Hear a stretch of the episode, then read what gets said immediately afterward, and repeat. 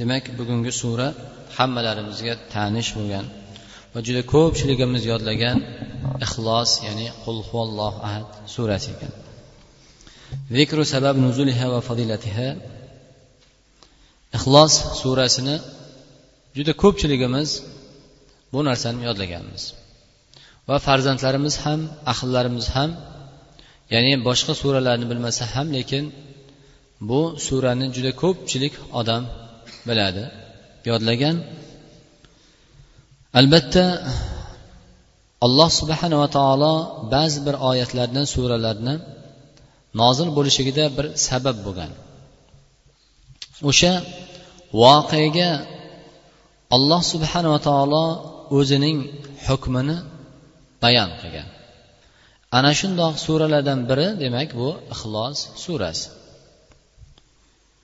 imom ahmad rahmatulloh alayh rivoyat qilgan hadisda ubay ibn kab roziyallohu anhu payg'ambarimiz ya'ni shu surani nozil bo'lishligi haqidagi bir e, voqeani bayon qiladi أن المشركين قالوا للنبي صلى الله عليه وسلم يا محمد انصب لنا ربك mushriklar keldida payg'ambarimiz sollallohu alayhi vasallamni oldiga mushriklar ey muhammad sen sig'inayotgan sen da'vat qilayotgan ya'ni iloh ma'budni robbingni bizga sifatlab ber. Deb ular shu davoni qilib kelishdi. Va alloh subhanava taolo faanzalallohu taala qul huvallohu ahad allohu somad lam yalid va lam yulad va lam yakul lahu kufuvan ahad. Ya'ni ushbu sura ixlos nozil bo'lgan ekan. Demak ushbu surani nozil bo'lishligi haqida bildik. Nima uchun nozil bo'lgan? Sababi mushriklar alloh subhanava taoloning sifatini u zotni nima ekanligini qanday iloh ekanligi haqidagi ya'ni shu narsani sifatlab berishligini davo qilib kelganligi sababidan nozil bo'lgan ekan. Abu hurayra roziyallohu anhu aytadilarki payg'ambarimiz sollallohu alayhi vasallam aytdi nisbatun. Va nisbatullohi qul huvallohu ahad. Har bir narsani sifati bor. Ya'ni insonni insonlik sifati hayvonni hayvonlik sifati. Nimaiki narsa bo'lsa albatta biz nima? Ko'zimiz bilan ko'rganimizdan keyin bu narsani sifati deymiz. Lekin alloh subhanava taoloni hech qaysimiz ko'rgan emasmiz. Illa qiyomat kunida faqat nima? Jannat ahllarigina alloh subhana taoloni ko'rar ekan. Va bu dunyoda jamiki insonlar alloh subhanava taoloning sifatini nima? O'zi qur'oni karimda bayon qilgan ism sifatlari bilan. Va yoki rasululloh sollallohu alayhi vasallam allohning ya'ni bayon qilgan ism sifatlarigagina biz mana shundoq ekan deb yaqinan shaksiz va shubhasiz iymon keltiramiz. Shuning uchun allohning ismini va sifatlarini zotini qur'on va sunnatdan boshqa hech narsani olinmaydi. Ya'ni allohni sifatiga aql ham kirgizilmaydi aql bilan kim agar alloh subhana taolo kullu ma xotara bibalika fallohu xilafu bidalik ya'ni e'tiqod nima alloh subhanaa taoloni sifati zoti haqida bizlarni fikrimizga qandoq u qandoq ekan? Alloh subhana taolo qandoq zot nima ekan degan narsani nima narsa hayolimizga kelsa olloh o'shani xilofi aksi bo'ladi. Ya'ni biz aqlimiz bilan alloh subhana taoloni hech qachon birodarlar o'ylab u zotni alloh subhana taoloni zotini ismini fe'lini yetmaymiz. Bu mumkin ham emas bunga buyurilmagan ham emas. Shuning uchun biz qur'onda va sunnatda kelgan oyat hadisga olloh zikr qilgan o'zini zotini sifati ismlari haqida bo'ldi shu bilan kifoyalanamiz. endi bu surani fazli haqida ixlos surasi qisqa hammamiz yodlaganmiz juda qisqa qur'oni karimdagi eng qisqa suralardan bittasi demak bu suraning fazli nima imom termiziy rahmatulloh alayhi rivoyat qiladiki أن ثابت أن أنس أن رجلا قال يا رسول الله إني أحب هذه السورة ya'ni bir sahobiy payg'ambarimiz sollallohu alayhi vasallamga aytgan ekanlarki yo rasululloh ushbu ixlos surasini yaxshi ko'raman degan ekan. Biz u bu surani kichkinaligidan qisqaligidan ya'ni yodlashga oson bo'lganligidan bizga o'xshab unaqaligidan yaxshi ko'rmagan sahobalar. Bu sura alloh subhanaa taoloni zotini ism sifatini sifatlab bergan bo'lganligi uchun ollohni qandoq iloh ekanligini sifatlab berganligi uchun u sahobalar yaxshi ko'rgan. Bizga o'sha haligi qisqaligini oson yodlashligi uchun yaxshimi? Yaxshi ko'rmagan sahobalar. Shuning uchun u so'ragan vaqtlarida payg'ambarimiz sallallohu alayhi vasallam men shu surani ushbu surani ya'ni ixlos surasini yaxshi ko'raman deganlarida inna hubbaka iyyaha adkhalakal janna. Albatta bu surani yaxshi ko'rishliging seni jannatga kirgizadi degan ekan. Nima uchun? Surani biz ham yaxshi ko'ramiz mumkin yo'q. Surani ichidagi kelgan oyatlarni yaxshi ko'rishligi alloh subhana taolo sifat qilgan o'zini sifatlagan ushbu oyatlarni ma'nosini bilganligi uchun ma'nosini tafsirini bilganligi uchun yaxshi ko'rgan bo'lar. Yana bu surani fazli demak nima kim yaxshi ko'rsa ixlos surasini ixlos bilan alloh subhana taolo demak ma'nosini bilgan holatida qiroat qiladigan bo'lsa bu odamni nima jannatga kirishiga sabab bo'ladigan suralar ekan yana fazli qola rasululloh sollallohu alayhi vasallam ashabihi payg'ambarimiz sollallohu alayhi vasallam sahobalarga aytdilarki imom buxoriy rivoyat qilgan ushbu hadisda أيعجز أحدكم أن يقرأ ثلث القرآن في ليلة فشق ذلك عليهم payg'ambarimiz sallallohu alayhi vasallam aytgan ekanlarki sizlar har kechada kechada qur'oni karimni uchdan birini o'qishlikka sizlar ojizmisizlar? Qiynalasizlarmi? degan savol bergan ekanlar. Ya'ni hozir qur'onni uchdan birini hozir biz o'qiyotgan qur'on nima? Ikki pora o'qiyapmiz hozir. Qanchalarimizga mashaqqat to'g'rimi? Qanchalik hozir bo'lsaydi tezroq bo'lsaydi qancha qachon tugar ekan deymiz. Qancha mashaqqat? Lekin nima? Uchdan bir o'n pora deylik. Lekin bu yerda bu narsa murod emas. Hadisda murod. Ya'ni qur'onning uchdan birini o'qishlikka sizlar ojizmisizlar kechada. Sahobalarga juda mashaqqat tuyulgan ekan. Ya'ni har kuni kechasi o'n poradan tasavvur qilinglar qur'onni o'qishlik yoki eshitishlik bu biz toqat qilamiz o'zimiz bir ko'zimizni oldimizga keltiraylik.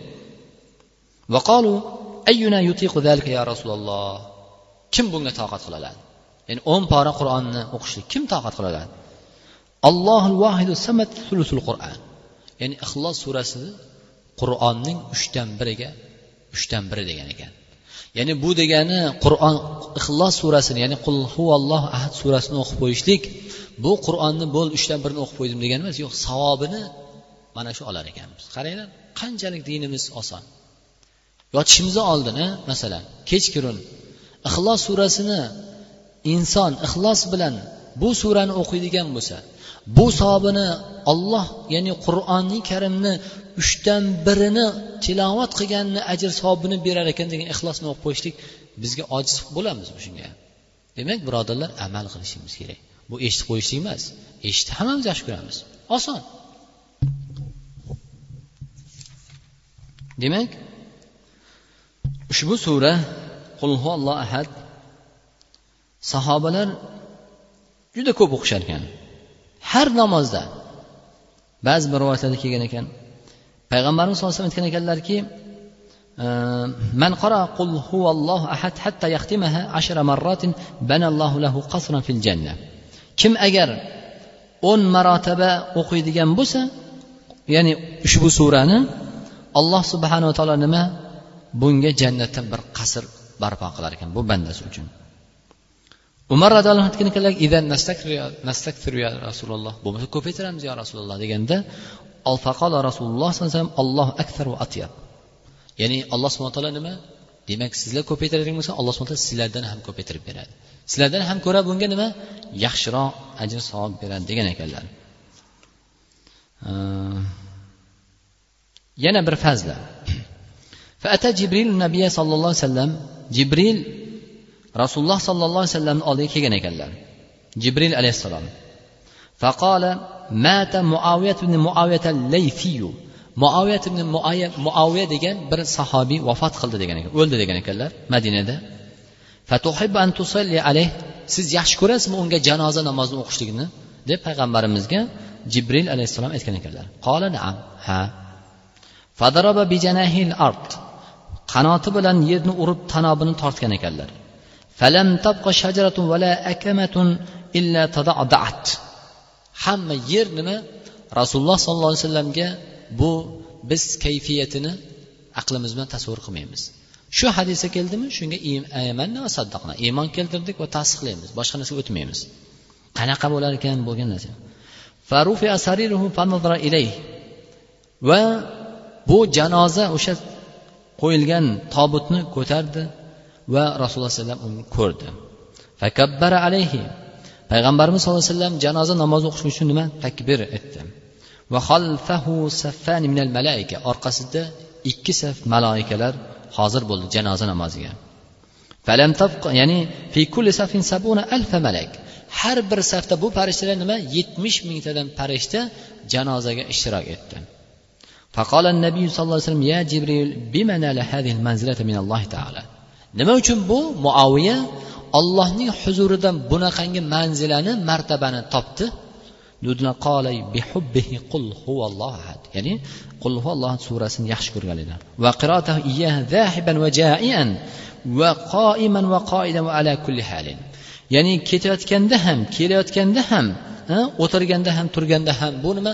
Har qanday holatda ham ixlos surasini juda ko'p o'qirkanlar ushbu sahobiy. Demak birodarlar bir narsani hadeb ko'p zikr qilaverilsa nima? Insonni qalbidan muhabbat keladi. Har zamonda eshitib qo'ysak nima? Bu nima e, bitta qulam eshitamiz ketaveramiz lekin nima uchun qur'on qaranglar o'ttiz pora bir ming to'rt yuz yildan beri shu qur'on. Bitta harf qo'shilmaydi ham ozaymaydi ham. Lekin nima uchun alloh subhana taolo har yili tushirib tursa bizga to qiyomatgacha ko'paytirib beraversa bo'lardi? Payg'ambarimiz sallallohu alayhi vasallam yo'q. Nima uchun hadis o'sha hadis qoldi? Takroran takror takror eshitaveramiz yana eshitgan bo'lsa yana eshitamiz. Alloh subhana taolo nima? Kim biz tomonga harakat qilsa qur'onni bitta eshitib yo'q bu olloh robbimni kalomi bu payg'ambarimni hadisi degan ixlos bilan muhabbat bilan eshitdimi eshitgan narsani yana takror eshitdimi bilmagan narsasini bilib boraverar ekan. Shuning uchun o'qigan narsamizni bir marta o'qisak tushunmaymiz ikki marta o'qisak nima yaxshiroq? Uchinchisi bilmagan narsani bilib boramiz. Xuddi shunaqangi alloh subhana taologa ixlos bilan muhabbat bilan takror takror o'qiganlar sababidan olloh bu bilmagan narsani bildirib va alloh subhana taolo bizlarni qalbimizga bu muhabbatni solar ekan va bu nima sababidan? Ollohni muhabbatini topamiz. Demak qul huvallohu ahad nima? Qul huvallohu ahad mushriklar so'rab kelganda ollohni sifatlaganda alloh subhana taoloni o'zi sifatladi. Ayting muhammad alloh subhana taolo yolg'iz bo'lgan zot. Ollohni hech sherigi yo'q birodarlar. Shuning uchun alloh subhana taolo innalloh la yaghfiru an yushraka bihi va yaghfiru ma duna qur'oni karimda olloh subhanava taolo nima? Shirk qilgan odamni allohga sharik qilgan odamni kechirmaydi. Ollohga xos bo'lgan ibodatda inson ollohga xos bo'lgan ibodatda ollohni shirik qiladigan bo'lsa bironta bir maxluqotini bironta bir payg'ambarni bironta bir jonzotni olloh buni hech qachon kechirmaydi. Undan boshqa qilgan gunoh har qancha gunoh qilgan bo'lsa ham olloh lima yasha. Xohlagan bo'lsa olloh xohlagan bo'lsa hammasini kechiradi. Lekin ollohga sharik qilgan bo'lsa olloh bu gunohni hech qachon bandasini kechirmaydi birodarlar. Shuning uchun biz shirk nimaligini bilib olishimiz kerak alloh. Shuning uchun biz avvalo shirk nima amali? Olib borib mozorga qo'y so'yishligimiz ollohdan so'rashlikka xos bo'lgan narsasini bandasidan so'rashligimiz yoki sig'inishlik boshqa boshqa qabrlarga bilishimiz kerak birodarlar. Bu amal nihoyatda muhim narsa. Shuning uchun alloh subhana taolo ayting ulargaki huvallohu ahad. Alloh subhana taolo mutlaq yolg'iz. Nimasi bilan yolg'iz? Alloh subhanava taoloni yolg'izligi val alim ya'ni alloh subhana taoloni yolg'izligi val azim ulug'ligida ham. Va halimligida ham ilmida ham hukmida ham hakimligida ham. Va har bir narsani hukm qilganda ham alloh subhana taolo yolg'iz o'zi hukm qiladi. Alloh subhana taolo yaratuvchiligida ham faqat olloh yaratadi. Rizq beruvchilikda ham faqat olloh rizqni beradi. Ulug'ligida hamma narsa ulug'ligida ham faqat nima? Alloh subhana taoloni o'zi yolg'izdir. Va ila bosh ketaveradi. Shuning uchun alloh subhana taolo birodarlar hech qachon bironta bir ishga yeru osmonni yaratishlikda ham eng ulug' narsa bizni ko'zimizda. Tog'larni yaratishlikda ham allohga hech kim nima sherik emas faqat ollohni o'zi yaratuvchidir allohu somat somat ya'ni olloh muhtoj emas. Sizni bizni bu yerda mana uyqu bosib charchab boshqa qilib o'tirishimiz alloh subhana bizga muhtoj emas bu. Bizni ibodatimizga muhtoj emas. Alloh subhana taolo g'aniyun anil alamin. Butun olamdan bironta bir yer yuzida olloh deydigan odam qolmasa ham alloh subhana taolo sizga ya'ni kambag'al bo'lib qolmaydi. Olloh bunga muhtoj ham emas. Lekin sizu bizni o'tirishligimiz bu ibodat qilishligimiz yoki chanqob mashaqqat charchab bu ro'za tutishligimiz birodarlar o'zimiz uchun. Olloh muhtoj emas bunga. Sizlar o'ylamanglik bu alloh subhana taolo bizga ertadan keyin mana bunda davo qilish yo'q. Alloh subhana taolo bu tutgan ro'zalarimiz qilayotgan ibodatlarimizni fazlini mukofotini o'zimiz ko'ramiz. Faqat o'zimizga qaytadi. Shuning uchun alloh allohu somat muhtoj emas. Bironta bir narsaga muhtoj emas. Bizni yolini yolvorishimizga ham duoyimizga ham muhtoj emas. Faqat sizu bizga alloh subhana taolo nima? Payg'ambarlarni yubordi kitoblarini nozil qildi. Nima uchun? Rahmatan. Alloh siz bizga rahmat uchun yuzasidan. Allohni mehribonchiligi yuzasidan. Allohga ibodat qilamiz so'raymizmi? Alloh subhana taolo berayotgan fazlni yana ham ko'paytiradi. Alloh sizu bizga berayotgan rizqimizni yana ham ko'paytiradi.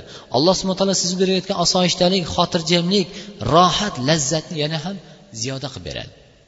Illa shu. Lam yalid va lam yulad. Alloh subhana taolo tug'ilmagan. Alloh subhana taolo ota onasi yo'q ota ona qanaqa ekan? Ota ona alloh subhana taoloni qayerdan qanday vujudga kelgan ekan degan narsa o'ylanmaydi birodarlar. Valam yulad. Ollohdan hech kim tug'ilmagan. Ya'ni masih ibnulloh davo qilayotgan uzayr ibnulloh degan davo qilayotgan ahli kitoblar yo'q mumkin emas. Bu shirk. Shuning uchun alloh subhana taolo o'zini sifatladiki lam yalid va lam yulad. Demak valam yakullahu kufuvan ahad. Alloh subhana taologa nadir o'xshash hech narsa yo'q. Jibril alayhissalom eng ulug' farishtalardan bo'lgan isrofil mikoil malakul mavt farishtalar alloh subhana taolo o'xshashi emas. Mumkin emas. Demak birodarlar qarang. Olloh ahad yolg'iz bo'lsa hm? ollohu somad. Olloh bironta bir narsaga muhtoj bo'lmasa yaratishda ham sizu bizga rizqimizni berishda ham sizu bizni yaratish tiriltirishda ham tog'larni yaratishda yeru osmonlarni yaratishda ham bu bulutlarni bu quyoshlarni chiqarishlikda ham oylarni chiqarishlikda ham olloh bironta bir maxluqotiga muhtoj emas. Birontasiga lekin nima uchun farishtalarni muvakkal qildi?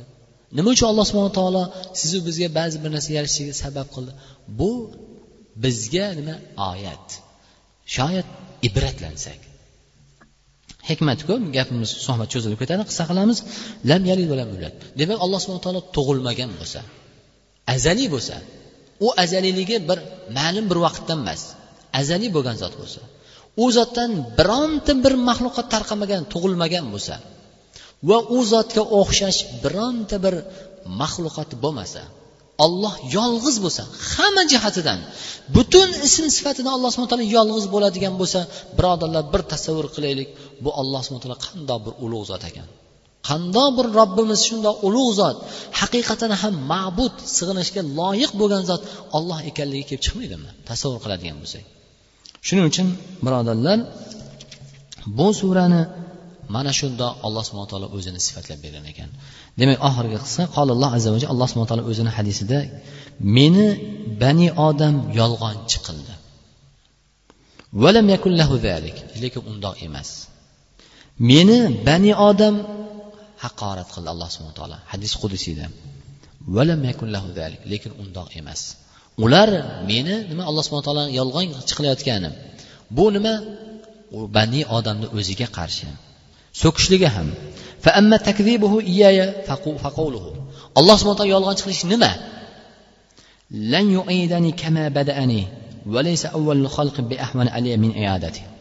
ular aytadilarki meni xuddi tirildirgandek men qayta tiriltirolmaydi olloh deb o'ylashadi.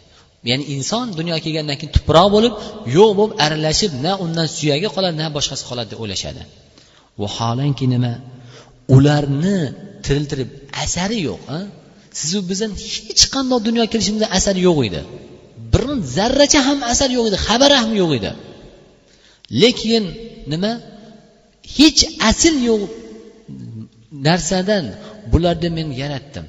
Qanaqasiga ular dunyoga kelsa umr bersam ularni badan jasadimda bo'lsayu ular qaytadan tiriltirishi menga shu og'irmi? Alloh subhana taolo. Qiyinmi birodarlar? Bizga qayta tirilishimiz.